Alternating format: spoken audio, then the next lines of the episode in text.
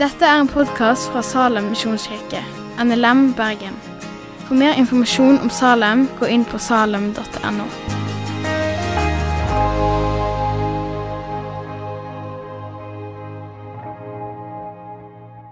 Flott å være her. Det er jo et privilegium um, å få lov til å komme inn i en, um, i en kirke, i en, en, flokk som dere, da, og, um, og, få lov til å snakke om disse sårbare temaene. Og uh, jeg må jo si Gjermund, at det er jo en stor tillitserklæring som uh, jeg sier tusen takk for. Som uh, jeg skal prøve å forvalte godt. For jeg, jeg vet jo, og det vet jo Gjermund òg, som, som, leder dette arbeidet sammen med masse andre flotte mennesker som jeg har fått hilse på, at uh, disse tingene er jo eksplosivt. Altså det er, uh, det er, rimelig heftige ting når det kommer til kropp, identitet, og seksualitet og kjønn. Og uh, jeg har jo lyst til å fortelle deg en bedre historie. Og um, Da må vi ta tak i litt i den historien som er. Og så må vi eh, kanskje løfte opp noe og gjøre noe synlig som kanskje er usynlig. Og det er jo noe av det jeg skal forsøke å gjøre da, i denne settingen. Det var nydelig det du sa i, i lovsangen om å la seg lede av Den hellige ånd. og, og Jeg forsto dere hadde hatt noe undervisning om det. Og la oss bare la oss la det skje med en gang, da. Du er verdig der du sitter. Jeg vet ikke om du, om du liksom forstår helheten av å være verdig, men du er verdig. Det er så mye uverdighet som ligger i denne tematikken. For uverdighet er det samme som skam. Det betyr det samme. Skam er en erfaring og en opplevelse av å kjenne seg uverdig. Og Når jeg åpner opp her da, og sier at jeg har en god historie å fortelle deg, så er jeg veldig frimodig i møte med skam. Hvor jeg kan si at du er funnet verdig. Du er funnet så verdig at det var en som valgte å gi sitt liv for deg. Hvis vi liksom skal åpne opp hele dette landskapet. Da, da er det verdighet. Uansett hva du måtte ha sett eller gjort, blitt påført eller påført deg selv, eller påført andre, så er du funnet verdig. Dybden av ordet nåde er, er helt Det er umulig for meg å ta det innover meg. Jeg plukker stadig opp Philip Jansi sin bok 'Nådens gåte'. Og jeg skjønner ikke alltid hva som står der. Fordi det er, det er en dybde i den verdigheten som du er blitt gitt, og den nåden du er blitt gitt.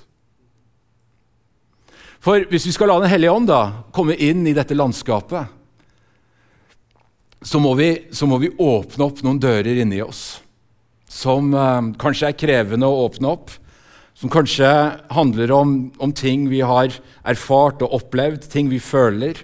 Og det henger sammen med lengslene våre, behovene våre, smerten vår, skuffelsen vår og alle disse ulike elementene som i stor grad gjør oss til mennesker.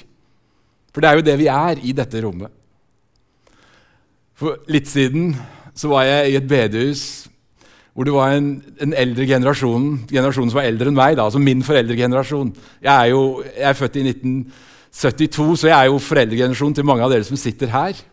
Men det var min foreldregenerasjon som hadde invitert inn for å prøve å hjelpe unge mennesker til å snakke sant og sunt og godt om seksualitet. Og så var det denne nydelige eldre damen som stilte seg opp bak en kjempesvær talerstol, og så leste hun opp noe hun hadde skrevet ned om hvordan hjertet hennes lå i denne kvelden.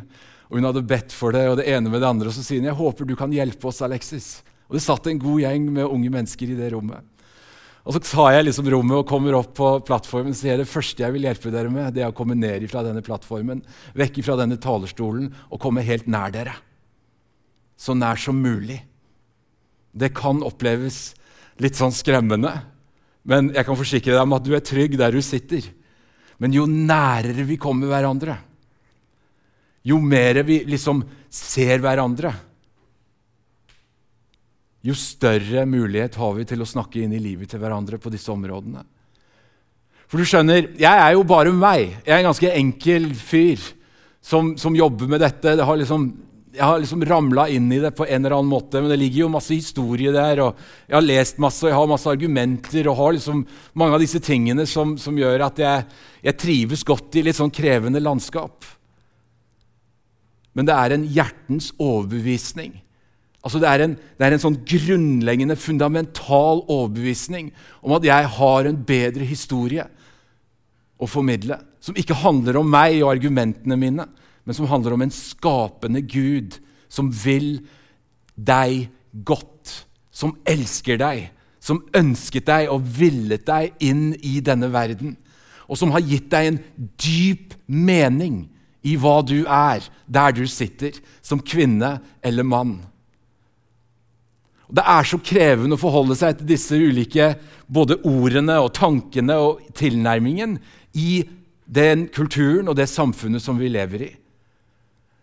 Men vi må, er nødt for å trø inn i dette. Og jeg veit jo det er krevende for dere som er unge, som er liksom den generasjonen som skal ta over etter oss. Jeg, eh, jeg leser jo med stor interesse dette, eh, studentundersøkelsen fra laget, som, eh, som sier dette, da, at 73% av dere mener at menigheten oppfordrer dem til å dele tro men så er det 32% som føler seg utrusta til det. Og jeg tror det ligger noen liksom sånn underliggende ting her. Hva er det som gjør det? da? Hvordan, hvordan, er det faktisk å være en kristen da, der ute på studiestedet ditt eller på arbeidsplassen din, som du kanskje nettopp har begynt, hvis du har liksom begynt i yrkeslivet? Fordi at det ligger ganske mange underliggende ting da, bare med å være en kristen. Hvis vi tar liksom et par av disse tingene da, som liksom angår den verden som jeg jobber i Du er redd for å støte noen. Har økt liksom med 8% og Vi eh, hopper litt av og på her, men uh, vi kommer nok tilbake. Um, du er redd for å bli assosiert med ekstreme holdninger. Men hva er ekstreme holdninger, da? Har jeg nettopp ytra ekstreme holdninger når jeg sier at der du sitter som kvinne og mann, så vil mange tenke det? Mange vil mene det. Og jeg har liksom gått gjennom isen umiddelbart i mange sammenhenger. Og Da tenker jeg jo at det å kunne ta tak i noen av disse spørsmålene, det å våge å trø inn i dette landskapet, det er jo kanskje det første premisset. Men eh, da handler det om hvordan vi møter mennesker, hvordan vi tilnærmer oss mennesker. Vi lagde jo en eh, ressurs her i, eh, i høst sammen med bl.a. Misjonssambandet, hvor vi eh, lager et nettsted som heter Identitet og seksualitet, hvor vi vil fortelle en bedre historie om kjønn, seksuell, om kjønn sex og homofili. Og så blir du møtt av disse tingene her, da, som en gruve av fordommer i kristen drakt. Eller en menneskefiendtlig bibeltolkning. Eller hvis vi liksom strekker strikken inn i min gode kollega Markus, som sitter i rommet her, som har en liten stand bak her, som kom i, kom clinch med Skeivt kristent nettverk. Dette er krevende ting. Det er svære følelser. Det er masse engasjement. Og så er det et eller annet men dette handler om mennesker. Hva de føler, og hva de erfarer. Og da er jo kanskje noe av, noe av min oppgave da, på denne korte tida her å prøve å gi deg noen verktøy. Altså gi deg noen verktøy i møte med dette, som blir så krevende. Hvor det blir både sinne og frustrasjon. Hvor det blir uh, store, store teologiske debatter men vi må liksom ned på kjernen av hva vi faktisk tror. Og Da er det jo litt sånn da, at uh, når, vi, uh, når vi trør inn i dette landskapet og skal prøve å bygge en bedre historie, så må vi være litt sånn rett ut om hva er det vi snakker om her, og hvordan skal vi, hvordan skal vi sette oss inn i, en, inn i et landskap som gjør at vi klarer å ha noen forutsetninger for hva vi har lyst til å formidle. Kari Weiteberg kom med ganske hard kritikk. Um, og Da var det jo kjærlighet da, som plutselig var noe av pakken. Og kjærlighet er jo blitt et ganske krevende ord. For hvem har definisjonsmakten på kjærlighet? Jeg forholder meg til en gud som er kjærlighet. Kjærlighetens gud tenker jeg er en annen gud. Jeg tenker jo det er en avgud. Eros eller Cupido. I alle regnbuens farger. Det er jo liksom det utgangspunktet jeg har. Så vi er jo på to ulike planeter her. Og det gjør jo samtalen veldig krevende. Og Da er jo kanskje noe av hvordan komme inn i disse samtalene med noen tanker om hvordan skal jeg se på bibelsyn og bibelbruk? Hvordan skal vi håndtere en, en forskjellig kjerneforståelse av kristendom? Og hvordan skal vi sette erfaring inn i denne kompliserte, kompliserte samtalen? Hvor det handler om hva mennesker har erfart. For du skjønner, Jeg er jo en sånn fyr som oppsøker smerte, som oppsøker vanskelige situasjoner, som oppsøker vanskelige samtaler. Og jeg sitter jo og kikker inn i livet til mennesker som ikke nødvendigvis føler det samme som meg, men som òg har en kristen tro og erfarer smerte knytta til dette. Så da er, jo kanskje, da er vi litt der som vi starta da når vi begynte å prate sammen om hva jeg har, hvilke kort jeg har å spille med her. da inn i dette. Og da kommer jo på alle måter for min del da, dette farshjertet ganske tydelig fram i mange samtaler. Men det er jo spennende da, når du begynner å snakke om kropp, identitet og seksualitet, hvilke typer responser du får. For alle er jo engasjert i dette, fordi at vi alle har en kropp. Noen er mer interessert, noen er mindre interessert, men det er et eller annet med å være menneske i en kroppslig form. Og det har, en, det har, jo en, mening og en hensikt med at vi er som vi er.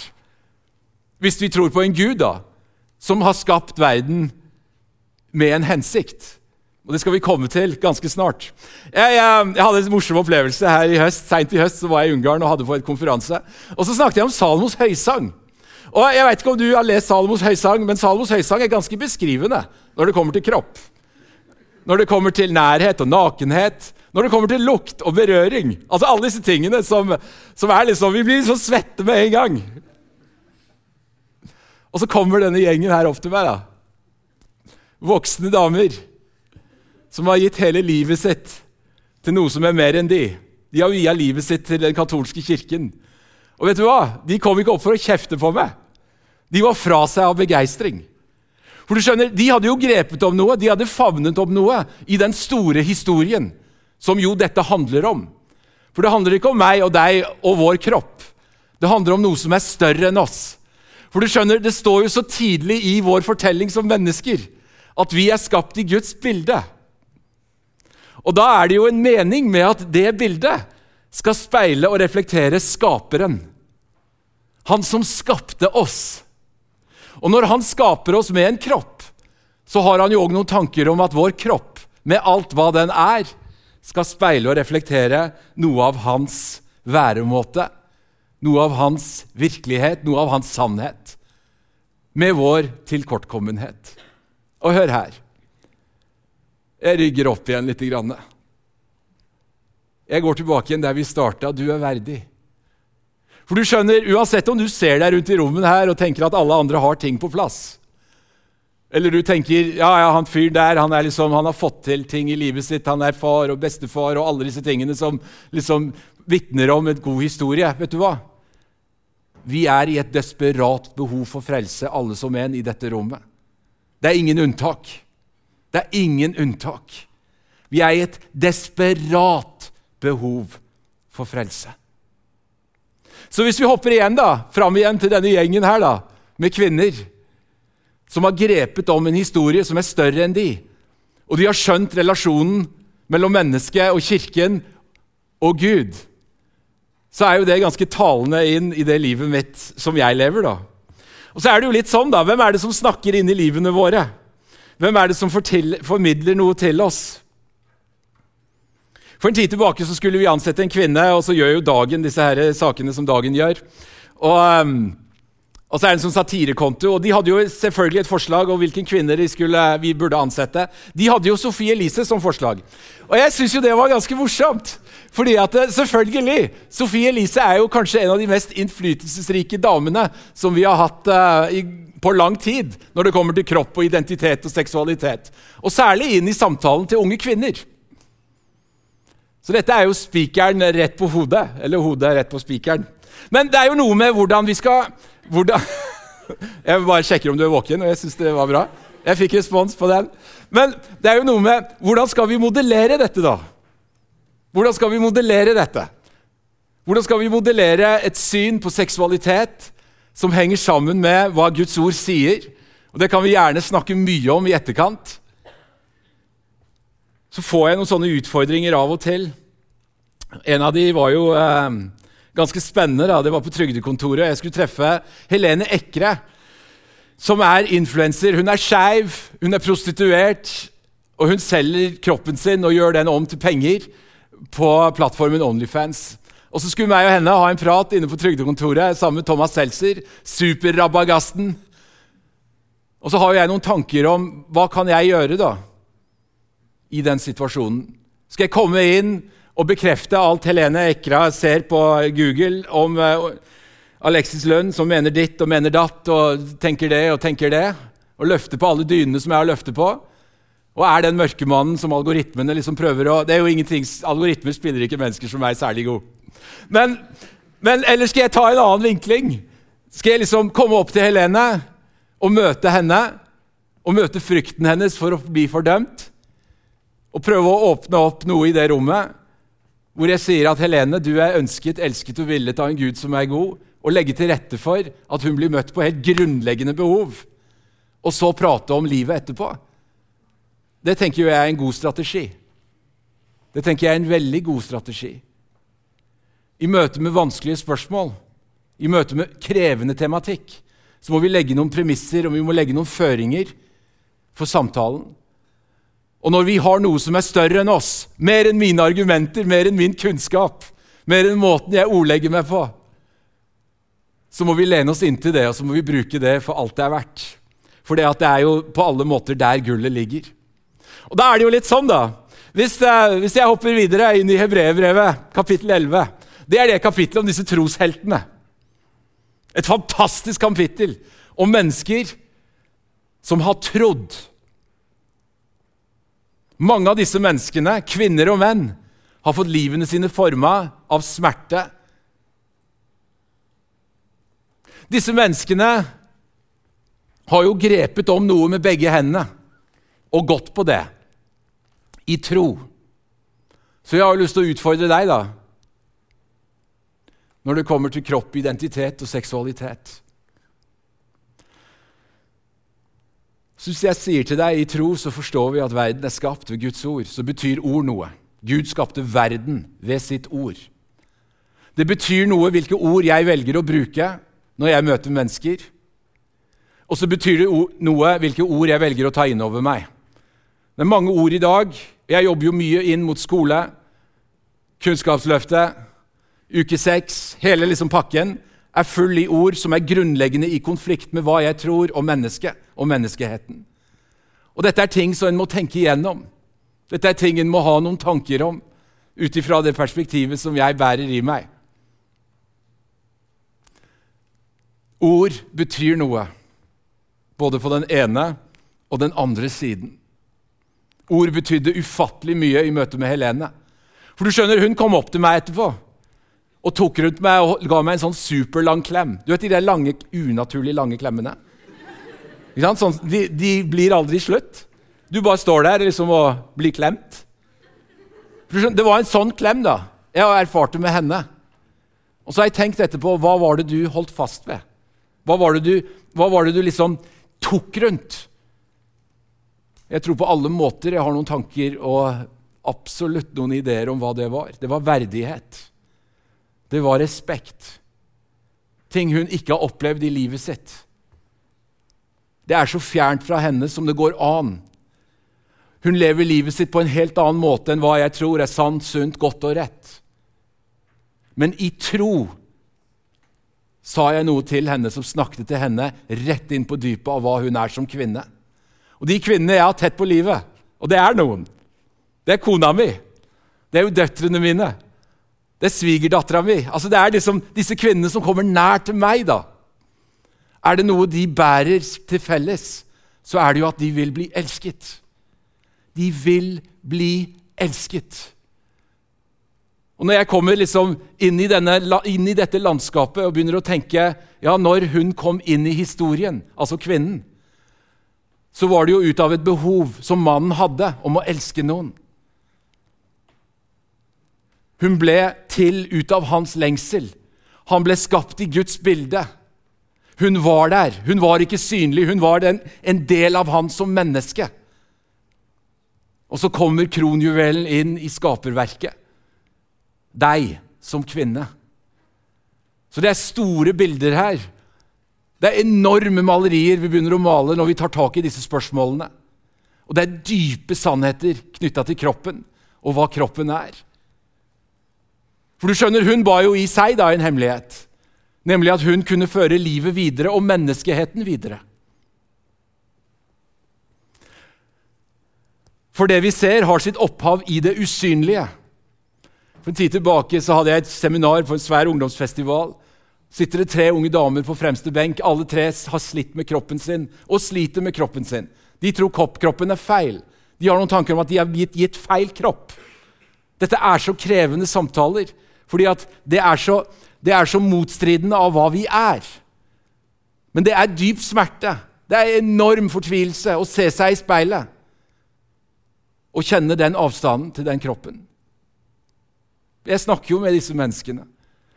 Og så fikk jeg hele den ungdomsgjengen i dette rommet til å se på hverandre. Et par sekunder, og så bruker jeg dette bibelverset. Det du ser, er forankra i det usynlige. Hvordan kan du på en eller annen måte gjøre det synlig?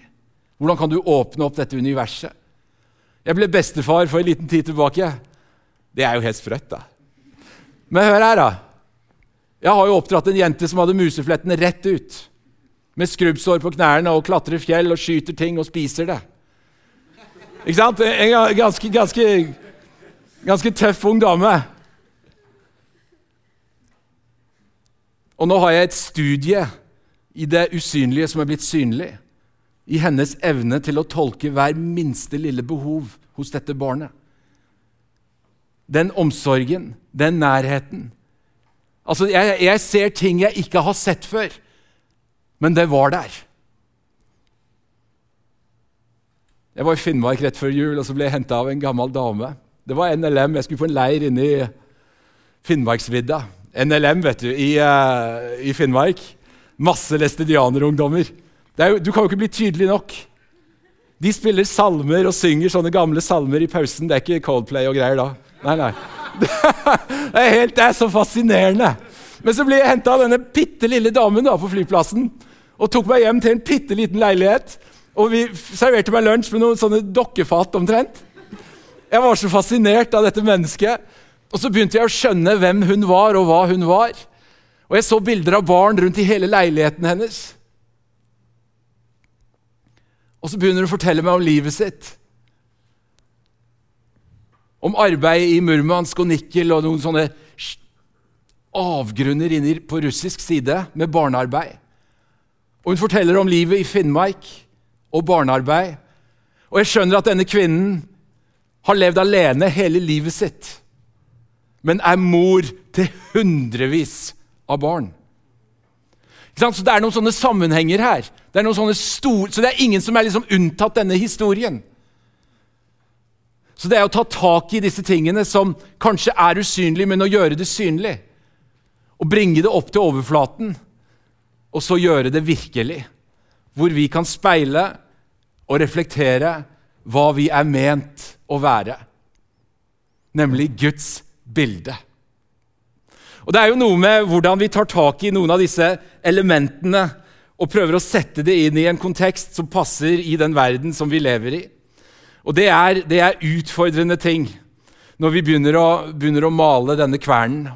Fordi at eh, trøkket er formidabelt mot at mennesket er overlatt til seg selv. For det er jo grunntanken i det samfunnet vi lever i. At vi skal finne ut hvem vi er, og hva vi er, og hvorfor vi er. I oss selv. Men jeg mener det er en ufattelig god historie å peke til noe som er større enn oss noe som er mer enn oss. Og Da kan vi ta tak i mange av disse ulike tingene som handler om, om kropp, identitet og seksualitet. Kroppen som en bærer, en kilde for mening og sannhet. Hva betyr det? Det betyr at det synlige i oss er forankra i Guds hjerte. Det er en hensikt at vi er skrudd sammen som vi er. Når det kommer til helt konkrete, praktiske spørsmål rundt seksualitet, så svarer kroppen gjentatte ganger, igjen og igjen, på hva Gud har skapt. Når det kommer til vår seksualitet, hvorfor den er, og hvordan den er, så er det jo ufattelig spennende å begynne å snakke om hva er sex. Ut ifra ord som tilknytning, nytelse, det å være i forplantning. Det at ekteskapet mellom mann og kvinne er et bilde på enheten mellom Kristus og kirken. Den røde tråden som starter i Johannes i, Den starter jo egentlig i Johannes' åpenbaring. Men den starter òg i Første Mosebok kapittel 1 og 2, og så pløyer vi gjennom hele Bibelen, Guds ord. Og Det er så mange paralleller, det er så mange røde tråder, og så kommer vi inn i Johannes' åpenbaring, hvor vi leser om en brud og en brudgom. Og vi leser om livets tre. Det andre treet er vekke. Det er livets tre. Vi leser om levende vann. Det er det samme vannet som Jesus presenterte seg selv som i Johannes 4 til en kvinne som vi ikke vet hva het. Kanskje hun het Helene. Hva vet vi? Hva vet vi? Det er jo noe her, da, med å prøve å ta tak i de store bildene knytta til eh, kropp, identitet og seksualitet. Og det er jo en samtale som er lang, og som er massiv. Disse spørsmålene her er jo noe av det mest spennende jeg gjør for tida. Å snakke med unge mennesker. 14-15-16-årsalderen. Hva er det som gjør gutter til menn, og hva er det som gjør jenter til kvinner? Jeg har jo sett dette, for jeg har oppdratt barn. Det er jo en utrolig fascinerende prosess. Når du ser dine egne barn, som du er nær, gripe om både manndom og kvinnelighet. Alle disse spørsmålene her er jo ting som kverner i dette rommet. For mange av dere er midt i disse prosessene. Midt i dette, denne tankekvernen. Og jeg vil jo oppfordre deg og råde deg til å lete de rette plassene, hvor det er liv. Ikke nødvendigvis kunnskap om godt og vondt, men hvor det er liv. Dere hadde jo et kjempeinnsalg på Alfa. Det er jo en glimrende plass å snakke om disse spørsmålene. Kna disse samtalene. Stille mennesker til veggs i vanskelige spørsmål. Der er jo muligheten helt vid åpen. Det er ingen som hiver deg ut. De gir deg bare gratis mat for å, komme, for å få deg inn. Ikke sant? Det er jo liksom, det er noe med å ta disse sammenhengene, prøve å se det store bildet. Og gripe om det med begge hendene. Med tro om at du er elsket, ønsket og villet av en Gud som er god. Hør her, jeg har brukt opp tida mi og vel så det. Vi, eh, vi, må gjerne fortsette samtalen etterpå. Men Den beste plassen du kan gjøre denne samtalen, det er jo i trygge, nære relasjoner. Jo, det er mer krevende der, men det er i trygge, nære relasjoner. Bruk Kirken, bruk lederne. Og nå har du blitt gitt en mulighet hvor du kan bruke alfa. Jeg har lyst til å be en bønn for dere. Kan ikke vi reise oss opp, og for de av dere som det oppleves naturlig for, bare hold ut hendene. Himmelske Far, jeg takker deg for eh, verdighet. Jeg takker deg, far, for at du er verdighet, og du er villig til å gi verdighet, og at du har gitt verdighet. Takk, gode far, for uh, alle disse menneskene i dette rommet. At du kjenner dem, du vet hvem de er. Du vet de innerste tankene. Og jeg ber, far, om at du må gi frimodighet, om at du må øke nysgjerrigheten på å grave dypere i hvem du er, og hvorfor du er, og hva du er, som igjen vil spille tilbake igjen og gi den enkelte av oss mening, dyp mening, i hva vi er, som skapt i ditt bilde, til å speile og reflektere deg som kvinne og som mann. Måtte du, far, gi både vern og beskyttelse og stor frimodighet i disse samtalene. Amen. Amen. Takk for at du har hørt på podkasten fra Salem, Bergen. I Salem vil vi vinne, bevare, utruste og sende. Til Guds ære. Vi ønsker å se mennesker finne fellesskap, møte Jesus og bli disippelgjort her i Bergen og i resten av verden. Vil du vite mer om oss, gå inn på salem.no.